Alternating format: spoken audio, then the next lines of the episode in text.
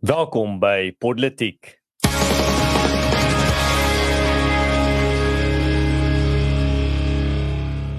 Asai, goeienaand. My naam is Paul Marit. Saam met my ateljee natuurlik is Erns van Sail en in vandag se episode SEB adviesraad vir die president en privaat skole rasse insident. Nou ja, ehm um, daar's natuurlik 'n klomp goed wat aangaan. Ons is bly as jy elektrisiteit het om regstreeks by ons in te skakel. Uh ons sien daarna uit om hierdie twee stories in in bietjie diepte te ontnonsens. Ons herinner jou ook dat jy solank jou koffie moet regkry en dat jy jou aandete so uh, vinnig gaan moet maak vanaand want ons praat 6 uur met Flip Buys en ons sien baie uit na daai episode. Hmm. In elk geval is later meer daaroor. Se erns kos praat oor hierdie presidensiële SEB adviesraad. Reg so Paul, ja, dit is uh, daar's nie 'n ongelooflike groot nuus storie om konteks oor te gee nie, maar daar's definitief baie om oor te om te bespreek en te analiseer. So net 'n vinnige agtergrond vir ons luisteraars. President Ramaphosa het uh, die land se nuwe adviesraad vir breë gebaseerde swart ekonomiese bemagtiging aangestel wat verantwoordelik sal wees om die regering te lei oor die verskerpte transform transformasie van die ekonomie. Ramaphosa het gesê 'n diverse uh, en verteenwoordigende groep van 14 mense uh, met sektorkundigheid is vir die raad gekies met die aanstellings wat vir 'n tydperk van 5 jaar sal duur. So ek het so vinnig geloer uh na die 14 persone op sy lys wie hy nou aangestel het. Ek kan nie regtig sê dit een van hulle name vir my bekend klink nie, maar langs hulle name is 'n beskrywing van wat hulle doen en iets het nogal vir my uitgestaan. Daar is besigheidspanne en besigheidsvroue daar, mense in uh, in die besigheidswêreld, maar dan amper helfte of eintlik helfte van die 14 mense daar is mense wat in die rasse industrie werk soos byvoorbeeld vir die Black Business Council ehm um, mense wat uh, swart ekonomiese bemagtiging spesialiste is. Dit is hulle titel uh, raak beskryf as 'n swart ekonomiese bemagtiging spesialis so 'n professionele diskrimineerder as jy hulle dit wil noem. Ehm um, daar's ook dan baie mense uit die vakbond wêreld uit wat my vreemd is maar nie uh, vir die ANC is dit nie vreemd nie maar hierdie is veronderstel om mense te wees wat uh die ekonomie gaan stimuleer soos dis hoe hulle dit verkoop en probeer verkoop aan die mense. En dan laastens is daar baie is daar ideologiese uh uh lede ook van hierdie van die adviesraad uh soos byvoorbeeld uh mense wat van die Progressive Professionals Forum afkom. Ek het geen idee wat hulle doen nie, maar hulle naam gee vir jou 'n goeie idee van wat hulle doen. So as jy gaan kyk na die lys van mense, dit is daar is mense wat besigheidsgeoriënteerd is, maar die die meerderheid van hulle is mense wat ideologies eerder georiënteerd is as besigheid georiënteerd. En ons het 'n regerende party hierso wat nou vir amper 3 dekades lank probeer swart ekonomiese bemagtiging um, in Suid-Afrika druk en uh, ons almal weet uh swart ekonomiese bemagtiging is eintlik maar net uh rasse diskriminerende wette as jy realistiese terme gebruik en dit is dit gaan net soveel oor swart ekonomiese bemagtiging uh hierdie beleide soos wat uh, die demokratiese republiek van Noord-Korea uh demokraties is. Uh, wat van jou gedagtes hierso Paul? So ja, ek ek ek dink dankie daarvoor. Ek is natuurlik nie verbaas dat sulke komitees bestaan nie. En enige van die kan kan ons amper sê in hierdie um apokaliptiese boeke wat ons oor die jare gehad het wat vir ons absolute kommunisme beskryf. Mens dink tipies aan Animal Farm in 1984, maar daar's ander ook gewees wat vir ons verduidelik hoe selfe wêreld lyk waar hierdie absolute kommunisme is. In al sulke boeke word daar gepraat van hierdie strukture wat geskep word, strukture wat redelik eksklusief is. In die geval van Animal Farm is daai die privaat vergaderings wat toenemend begin gebeur. In die geval van 1984 is dit baie meer realisties subkomitees en so aan wat geskep word. Nou die die punt wat wat ek tog by wil uitkom is wat is die tipe Suid-Afrika wat ons skep hierdeur? En dis ek dink die belangrikste vraag. Ons sien sedert 1997 dat daar stelselmatig hierdie terugkeer van van sosialistiese denke by die ANC is nadat hulle miskien vir 5 jaar in die openbaar nie daaroor gepraat het nie. Jy weet hulle speel saam en uh, ek ek dink ons ons praat baie oor hierdie tipe goede politiek, maar dit is my so bietjie so kringe in 'n bos van Daleen Matthee wat jy weet elke keer gaan ons 'n bietjie dieper. Jy weet ons loop die hele tyd agter hierdie ding aan, maar elke keer jy weet kom ons 'n bietjie nader aan die waarheid. Hoe meer ek oor dink, hoe meer begin ek besef dat ons dominante beginsel wat ons gemeenskap najaag is gelykheid. Jy weet en so dit is dis ook in 'n sekere sin waar ek by die stadium my my doktorale studie doen want ek dink hierdie beginsel op sigself uh is is ontsettend nadelig. Nou ek ek en en nou dink almal maar gelykheid. Gelykheid is dan nie die ontsettende belangrike waarde. Ja, gee my kans om dit te verduidelik. Ek dink as Christene sê ons ons is gelyk in die oë van God want ons almal is ewe afhanklik dalk van verlossing of ons almal is ewe geneig tot sonde of so. Maar wat jy hier kry is 'n tipe gelykheid waarvan 'n mens lees in die Griekse mite van die bed van Procrustes. En nou die die wat Procrustes gedoen het is hy het mense wat by sy huis verbygeloop het. Dis 'n ou Griekse mite. Mense wat by sy huis verbygeloop het, het ingenooi om by hom te kom slaap. Hy het 'n tipe van 'n gastehuis gehad. En dan het hy lang mense op 'n kort bed laat slaap en dan het hy hulle kop afgekap want hulle moet op hierdie bed pas. En kort mense het hy uitgerek met 'n soort van 'n skroef dat hulle presies die lengte van die bed is. En in 'n sekere sin is dit wat ons in Suid-Afrika sien. BEE is 'n 'n vergestalting of 'n kan ons sê 'n stuk realiteit wat 'n idee verteenwoordig. En daai idee is die land sal eers reg wees as daar absolute en 100% gelykheid is in alle strukture. Nou wil ek vir jou so vra. Kom en sê die Zulu koning het 'n adviesraad oor hoe die Zulu sake hanteer behoort te word.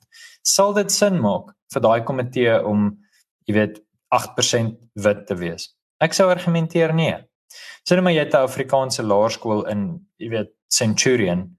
Sal dit sin maak om te sê die beheerliggaam van daai Afrikaanse laerskool in Centurion met 80% swart, 9% bruin, 2% indiër en 9% wit wees? Ek sou argumenteer nee en deur dit so af te dwing, maak dit onmoontlik om in Suid-Afrika te leef. Ehm um, en dis effektief wat BEE reg kry. Dit forceer ons almal om absoluut in te pas. Dit ontneem enige vorm van uniekheid en dit ontneem die die primêre waarde van 'n samelewing wat wat 'n samelewing behoort na te streef. En ek sou argumenteer dat dit is vir elkeen om hulle self te verwesenlik, dalk in 'n sekere sin, of vir elkeen om so goed as moontlik te wees binne in die raamwerk wat hulle wat hulle daarvoor het. So, jy weet, ehm um, dit is 'n redelike tegniese analise, maar die probleem wat ek hiermee het, is dat president Ramaphosa nou baie jare nie wegbeweeg van hierdie foutiewe denke nie. Hy kan sien wat kaderontplooiing gedoen het aan Suid-Afrika. Hy kan sien wat die aanstelling van onbevoegde kaders gedoen het. Kyk, al kaderontplooiing as jy mense met PhD's in 'n spesifieke posisie aanstel, ehm um, jy weet gaan 'n bietjie beter afgaan as die tipe kaderemploying wat hy gedoen het. Met ander woorde, is jy lid van die ANC? Great, jy kan hierdie tegniese werk oor waterpype in die Noordwes provinsie. Jy kan dit doen want jy's 'n ANC lid. So dis die tipe kaderemploying wat hy toegepas het. En jy weet, ek ek ek kan myself nie indink wat die meriete is van hierdie komitee behalwe dat hierdie komitee hom konstant moet adviseer om BEE e af te las nie. Laaste gedagte van my af erns is dit ek dink dat daar toenemend druk kom en dit dit sien 'n mens wêreldwyd. Daar kom toenemend mense wat begin dink die ANC se tyd stap na einde toe. En ek dink die ANC weet dit self, hulle het al sulke geleide gemaak. Hoekom sê ek dit en hoekom is dit belangrik? Want as hulle besef hulle tyd is naby, dan en en dit het ek al 4 of 5 keer op politiek gesê, maar dit begin vir my toenemend angswekkend naby kom. Dan gaan hulle begin benoude spronge maak want hulle weet hulle tyd is min. So dit beteken jy gaan 'n groot porsie skep as jy weet jy het min tyd oor om te skep. In die eenvoudigste sin daarvan. As ek dit meer kompleks kan stel, dit beteken dat daar desperaatheid gaan wees. Um, jy weet ek ek wil nie 'n radikale en 'n verkeerde voorbeeld gee hierson nie, maar dink maar aan oorlog. As 'n land besef hy's besig om die oorlog te verloor, dan doen hy sy verskriklikste goed. Ehm um, so dis my my aanvanklike gedagtes daaroor. Wil jy dalk daarop iets sê? die mikrofoon is af. Ja, net om daar by te stel, ehm um, ek ek stem 100% met jou daarso saam. Ek wil miskien net daar bylas uh meer net oor die Suid-Afrikaanse konteks. Ek dink ons politiek luisteraars is baie goed bewus van die groot probleme wat uh, vir Suid-Afrika in die gesig staar. Ek bedoel 'n skokkende werkloosheidskoers bo 40%, 'n jeugwerkloosheidskoers bo uh 70%. Uh, ek wil nie eens praat van inflasie en die petrolprys nie en ons weet ook dat die petrolprys is nie heeltemal net die skuld van uh, wat in die res van die wêreld gebeur nie. Die uh, die ANC het ook 'n groot rol um daarin om te speel. Nou, die ding is wat ons hierso sien is dat die laaste ding wat Suid-Afrika nodig het is 'n uh, eh, rassewette en sistemiese rassediskriminasie. En ons moet begin frank wees daaroor. Moenie die regering se taal gebruik nie. Dit is nie beerdkrag nie. Dit is uh die elektrisiteitstoevoer wat heeltemal uh val wat in uit in mekaar insak. Ehm um, en byvoorbeeld uh as dit kom by uh, swart ekonomiese bemagtiging is dit absoluut rassediskriminasie en dit is wat ons dit moet noem want dit is wat dit is. Ehm um, die regering kom weg uh deur uh, dit vir die sagte name te gee soos ek in die begin gesê het soos byvoorbeeld om Noord-Korea die demokratiese republiek te noem van Noord-Korea. Ehm um, die ding is uh die die regering moet fokus op die werklike kwessies en dis iets wat ons nou agterkom is dat ek het nou al baie kommentaar gelewer op swart ekonomiese bemagtiging as beleid op ENCA en ander programme as Afriforum verteenwoordiger En ek kan vir jou sê die meerderheid van uh, swart Suid-Afrikaners stem met my punte saam wat ek daaroor maak, my kritiese punte daaroor, want hulle weet vir 'n feit, hulle is nie in daai eksklusiewe klub nie. Die swart ekonomiese bemagtiging begunstigdes is 'n baie eksklusiewe klub en dit, dit sluit 99% van Suid-Afrikaners uit, wit, swart en indier en alles uh almal nog saam. Uh en dit is die realiteit en almal wat daai boodskap hoor, daai boodskap van dit is hierdie eksklusiewe klub, weet dit is waar, want uh meeste mense wat dit wat my dit hoor sê, ehm um, is definitief nie begunstigdes van swart ekonomiese bemagtiging al is hulle swart. En dit is die ding wat mense moet onthou as dit kom by hierdie beleid. Is dit is 'n dit is 'n beleid wat 'n baie klein groepie elites uh eintlik maar bevoordeel en verryk uh, te, ten koste van die oorweldigende meerderheid van uh, alle Suid-Afrikaners. Ja, miskien 'n laaste gedagte net van my of hier ek ek dink die belangrikste ding, kyk natuurlik 'n mens 'n mens pak 'n idee uit en ek dink die logiese vraag dan is goed wat nou. Ehm um, jy weet wat wat moet 'n mens nou doen? Nie belangrike ding is regtig dat 'n mens in beginsel teen dit moet staan. Ek kan nie vir jou sê hoeveel van my skoolvriende wat jy weet Afrikaanse wit mense is, is BEE praktisyns nie. Dis 'n goeie hmm. salaris om te kry terwyl jy terwyl jy effektief, jy weet jou jou eie ek weet nie jou eie mense moet in die voet skiet terwyl jy aktief 'n mm. stelsel moet najag wat nie die beste mense in die beste posisie sit nie. Nou ek dink daar's 'n diep menslike waarheid daarin dat jy wil hê die beste mens moet die beste ding doen. Ben Shapiro se voorbeeld van jy weet iemand wat vir jou hartoortplanting gee, gee nie om wat se ras hulle is of wat se geslag hulle is, hulle net die beste wees. Dis 'n baie rakende voorbeeld, baie treffende voorbeeld verskoon tog vir ons. Maar jy weet, dit is nie 'n nuwe ding nie. Aristoteles het in het weet 4de eeu voor Christus gesê as jy een fluit het, gee dit vir die beste fluitspeler. En en jy weet so waarin word die fluitspeler gemeet? Sy vermoë om fluit te speel. Uh jy weet en so BEE is is in homself 'n beginsel wat ons land agterhou. En nou baie mense 'n probleem daarmee want hulle sê ja, maar geregtigheid beteken dat jy moet korrektief optree en so aan. Weet jy wat ek stem saam met korrektiewe optrede, maar dit gaan onder begin. Dit help nie jy probeer met nou, ons het hierdie gesprek hoeveel keer gehad, jy weet. Jy moet laerskole regkry, jy moet hoërskole regkry, jy moet universiteite regkry. Jy jy hmm. kan op wêreldvlak kompeteer sonder om kaders in te druk. En ek dink daar maak jy baie baie belangrike punt. Dit gaan in elk geval nie oor velkleur nie. Dit gaan oor assosiasie tot die party. Ehm um, hmm. en dis so hartseer, jy weet, so ek ek dink 'n mens moet dit in sover moontlik teenstaan. Nou ja, gepraat hmm. van teenstaan wil ek graag ons ons volgende storie inlei. Daar was pas afgelope naweek 'n rasse insident by 'n privaat Engelse skool. En die privaat Engelse skool is Michaelhouse, die baie bekende skool waar die Spud reeks ook afspeel. Ehm um, histories die duurste of tweede duurste skool wat 'n mens kan bywoon in Suid-Afrika. 'n Baie mooi skool, 'n bitterlike ryk skool en 'n skool ehm um, wie se alumni ontsettende groot name insluit. Nou hulle het gespeel teen St John's, uh ook een van die duurste, een van die rykste en een van die beste seunskole in Johannesburg in die Houghton Estate. Uh die wedstryd self was in KwaZulu-Natal by Michael House geweest. En tydens die eerste mans hokkiewedstryd is daar uh na bewering 'n rasse uh aan aan of 'n 'n rassistiese term gebruik teenoor een van die swart spelers van St John's deur een van die spelers van Michael House. So hy het hy het die K-woord gebruik wat gewoonlik in Suid-Afrika natuurlik die geval is. Nou, uh waaroor wil ek wil ek praat? Natuurlik is enige rasisme sleg en natuurlik dink ek self as as gelowige dat om enigiemand se karakter karakter afgebreek grond op jy weet hulle skepingswaardes, dit is dit mag nie en en ek sal dit nooit in my lewe kan ondersteun nie in beginsel. Ehm um, jy weet so dit dit staan verby die punt. Wat vir my kommerwekkend is is die manier waarop kommentators hierdie ding nou absoluut uit verband uitdruk. Ehm um, jy weet ten eerste moet ons onthou beide die persoon wat oortree het en die persoon teen wie geoortree is is kinders. Ja, hulle is dalk 17 jaar oud, maar hulle is kinders. Ek gaan eerlik wees wat ek geweet het op 16 is ontsettend gevaarlik en ek is op 17 en ek is jammer oor 99% van die goed wat ek daai tyd op Facebook getik het. Jy weet, ehm um, in so 'n mate dat ek die tyd gehad het, sal ek dit alles uitwis en in so 'n mate dat ek 'n tydmasjien gehad het, sal ek myself teen die kop gaan klap het. Jy weet, maar nou word hierdie, jy weet, so uit verband uitgeruk. Nou is daar mense wat sê ja, maar dis nog 'n teken van sistemiese rasisme. Dis nog 'n teken dat apartheid nie weg is nie. Dis nog 'n teken dat ons land nie kan aanbeweeg nie.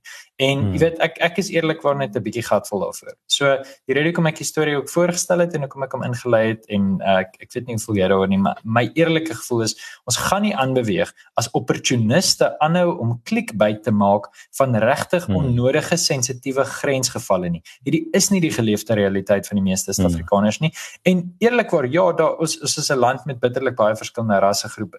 En mense gaan moet leer om met mekaar saam te werk. Verseker, al daai goed is waar, maar om te maak asof hierdie is wat Suid-Afrika is. Dis goedkoop journalistiek en eerlikwaar die die media huise wat hierdie geleentheid misbruik, behoort hulle self te skaam. Hmm. Ja, Paul, daar's baie uh, siniese rolspelers wat hierso uh, definitief van hierdie soort insidente of baat en deur dit uh, 'n groot storie daarvan te maak. Ek dink eerstens moet ons in ag neem iets wat eintlik wat Flip in sy boek geskryf het en uh, ek wil net weer ons luisteraars herinner ons gesels vanaand met Flip daaroor uh, oor 'n uh, bietjie van sy idees en veral van die idees wat hy dalk in sy boek oor uitbrei. Ons gaan uh, definitief vir julle daarso hopelik sien. Nou ek kan onthou hy, hy het in sy boek geskryf oor die feit dat baie van hierdie eh, radikale retoriek en radikale partye wat 'n uh, eh, anti-wit retoriek het en hierdie rassehaat eintlik maar aanblaas, ehm um, word ondersteun deur eintlik nogal disproporsioneel uh swart Suid-Afrikaners in die in die hoër klasse, in die hoër middelklas uh en boontoe. Want daai mense, baie van hulle het 'n uh, voordeel getrek uit uh uit uh, hulle verbondenis aan die regering of hulle politieke koneksies uh uit swart ekonomiese bemagtiging uit dalk hulle is uit daai elite groep uit.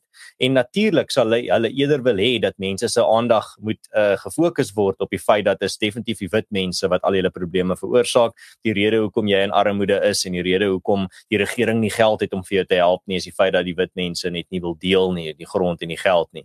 En dit is in hulle voordeel dat mense daai soort narratief glo en daai narratief opeet, want hulle weet ehm um, die dag wat die massas van Suid-Afrika uh eerder fokus op maar wie het uh, ten koste van ons gebaat en uh gaan drink uit uh uit die uit die fonteintjie uit sonder om vir ons plek te gee. En dit is eintlik baie van daai ouens. Daai selfe ouens wat uh hierdie uh, radikale rasse retoriek druk en hierdie radikale um idee skep probeer skep dat rasisme die grootste probleem is wat in hierdie land um mense in 'n in 'n swak posisie sit en wat mense in armoede in laat val um, want dit is iets wat vir hulle tot hulle voordeel is. En 'n ander 'n ander siniese groep uh wat definitief baat uit om hierdie storie soort stories groot uh op te blaas is die media ongelukkig. Dis hartseer om dit te sê. Ehm um, maar dit is ongelukkig jy het dit nou, genoem uh die klikke wat hulle daai uit kry op hulle webtuistes en op hulle stories. Ehm um, jy kan maar kyk. Daar was nou hierdie week 'n storie wat gebreek het van 'n 'n 'n seun uh, ek dink is 'n ek kan nie onthou presies waar dit gebeur het nie, maar 'n swart seun wie se wat onthoof was. Uh, maar dit was nie 'n wit op swart insident nie, so dit het nie die die voorblad gehaal nie. Maar wat by my uh, vorige universiteit Stellenbosch gebeur het, het die voorblad gehaal op elke in elke koerant, op elke nuuswebtuiste, op elke nuusanalis se sosiale media was dit die hoofstorie. Ehm um, jy moet begin vra hoekom, want daai soort stories is vir hulle voordelig want dit is lekker drama, dit is stories wat hoog in wat uh, emosioneel gelaai is en uh, dit pas hulle dat daai soort stories dan op die voorblad is want dit kry mense aan die debatteer, dit kry mense maak mense kwaad, dit maak mense hoogs emosioneel en dan is hulle baie meer um geneig om die storie te deel om vir mense te wys kyk wat gaan hier so aan, kyk waar is ek vandag kwaad en dit is op die ouend wat gebeur en dit is maar waar hierdie hierdie aasvols hulle middagete kry en dit is ongelukkig die uh tabloid uh, tabloidization wat ons hierso sien van van die media in Suid-Afrika. Dit raak maar alles net soos die son. Hulle ek moet eintlik al vir 'n uh, 'n bietjie meer van 'n opgesonde teorie daai dat as jy vir uh, die die media genoeg tyd het dan eindig elke nuus uh, nuuspublikasie op in dieselfde plek as die son. Maar ek sal nog bietjie daarin werk, maar dit is die rigting waarna hulle beweeg. Ja, ek uh, ek ek ek wil tog 'n paar interessante punte maak. Die die een ding oor Stellenbosch is die feit dat daar ook op kampus iemand verkrag is in daai selfde hmm. week. En naaste by dieselfde dieselfde dekking gekry nie. Nee, glad nie. En kyk, Ek as ek vir 'n oomblik duiwels advokaat speel, dan verstaan ek. Jy jy's 'n media huis, jy vertel die storie wat moet verkoop. Ek dink in 'n sekere sin Anchorman 2 is die beste voorbeeld daarvan. Jy weet, almal skakel in om te kyk hoe, jy weet, die polisie 'n kar jaag op die snelweg af. uh, jy weet ons almal weet hoe dit gaan eindig maar almal kyk dit want dit is sensasioneel en want dit stel endorfine vry of 'n mens hou daarvan om jy weet te kyk na so 'n bepaalde situasie en ek verstaan dat 'n mm. storie wat sensasie is en wat diep is en wat in 'n sekere sin mense vooroordeele bevestig uh jy weet dit dit skep sensasie. So daar sal reeds hierdie gesprek en ons 'n klomp mense wat goed beskuldig en dan gebeur so iets en dan kan almal sê kyk ek het vir jou gesê. Weet, jy hmm. weet ek ek het my vooroordeel hierso bevestig. Dus jy jy kan nie reg wees nie en jy weet mense daai tipe van daai bevestigende gevoel binne in jouself. Um wat wat ek ek tog dink jy weet Thomas Sowell het byvoorbeeld gesê dat rasisme word lewendig gehou deur uh mense wat voordeel daai trek en, en jy het nou 'n lys van mense genoem en partye genoem wat daaruit voordeel sal trek. Maar ons ons sien dit ongelukkig te veel. Verder as dit laat laat dit my in 'n in 'n groot sin dink aan pleknaamveranderings in Suid-Afrika. Ons het hierdie gesprek gehad, jy weet, ook seker 3 of 4 keer, maar ons het hom onlangs gehad oor pleknaamveranderings en ek ek rig debat af en dit was ook een van die onderwerpe gewees uh, in in die jaar se debat. Dis 'n ideale gedagte van pleknaamverandering. En die realiteit is dat dis 'n baie laag hangende vrug om rasisme aan te spreek. Dis 'n baie laag hangende vrug en ek het dit op universiteit gesien. Ons sien dit, jy weet, elke nou en dan in die nuus. Dis die maklikste ding vir 'n regerende party, vir 'n swak regerende party om 'n kameraspan te kry voor 'n skool te gaan staan en te sê hier was rasisme. Dink aan Julius Malema se klikstirade in 2020. Selfs van uh, ons ons ons goeie pel en vriend hierso op politieke Lesofie. Ja, presies dit. Dit is baie makliker om te sê hoe durf Soltech iets doen as om jy weet die 800 miljoen rand wat jy begroot gehad het wat meer as 3 keer is wat Soltech gekos het. Dis maar my 800 miljoen te vat en net een college te bou waar jy gesê het jy gaan dit doen. Nee, dit kan jy nie doen nie. Die vele wat wat wonder gaan lees my broadband het 'n goeie artikel wat Anila Beskag nie daar geskryf het. Maar in elk geval um dit dit daar gelaat. Ek dink erns um, het jy miskien 'n laaste gedagte hieroor dan kan ons miskien uh, ek ek is klaar gepraat hieroor. Ek dink hmm. ek het nou gesê hoe ek voel.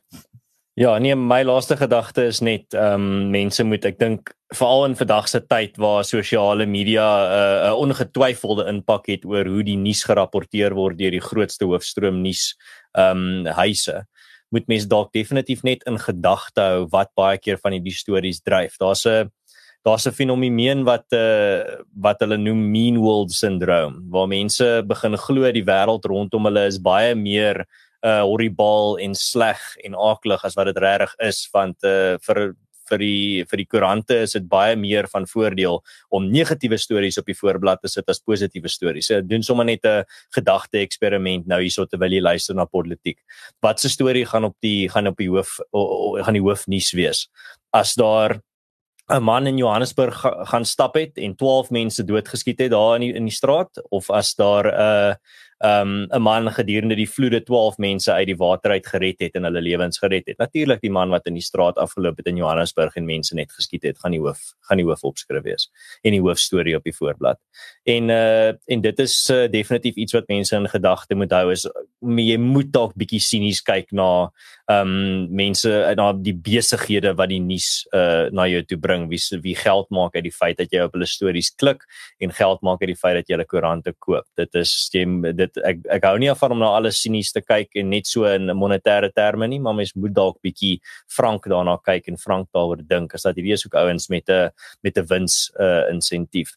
Maar ja, dit daar gelaat Paul, uh ek dink mense kan nou sommer net so vinnige breek vat, uh, nie te ver wegloop nie want vanaand uh, het ons nog 'n episode so jy kry sommer 'n dubbel dosis van politiek vandag en uh, dit is ons onderhoud met Flip Buys voorsitter van die Solidariteit beweging. Um dit gaan nou 6 uur vanaand wees wees. So jy kan gou vinnig jou koffie gaan maak, ehm um, kry dalk vir jou so 'n klein dingetjie om aan te pesel en dan kom sit jy weer en dan kom luister jy en gesels sommer saam met ons uh, met Flip vanaand.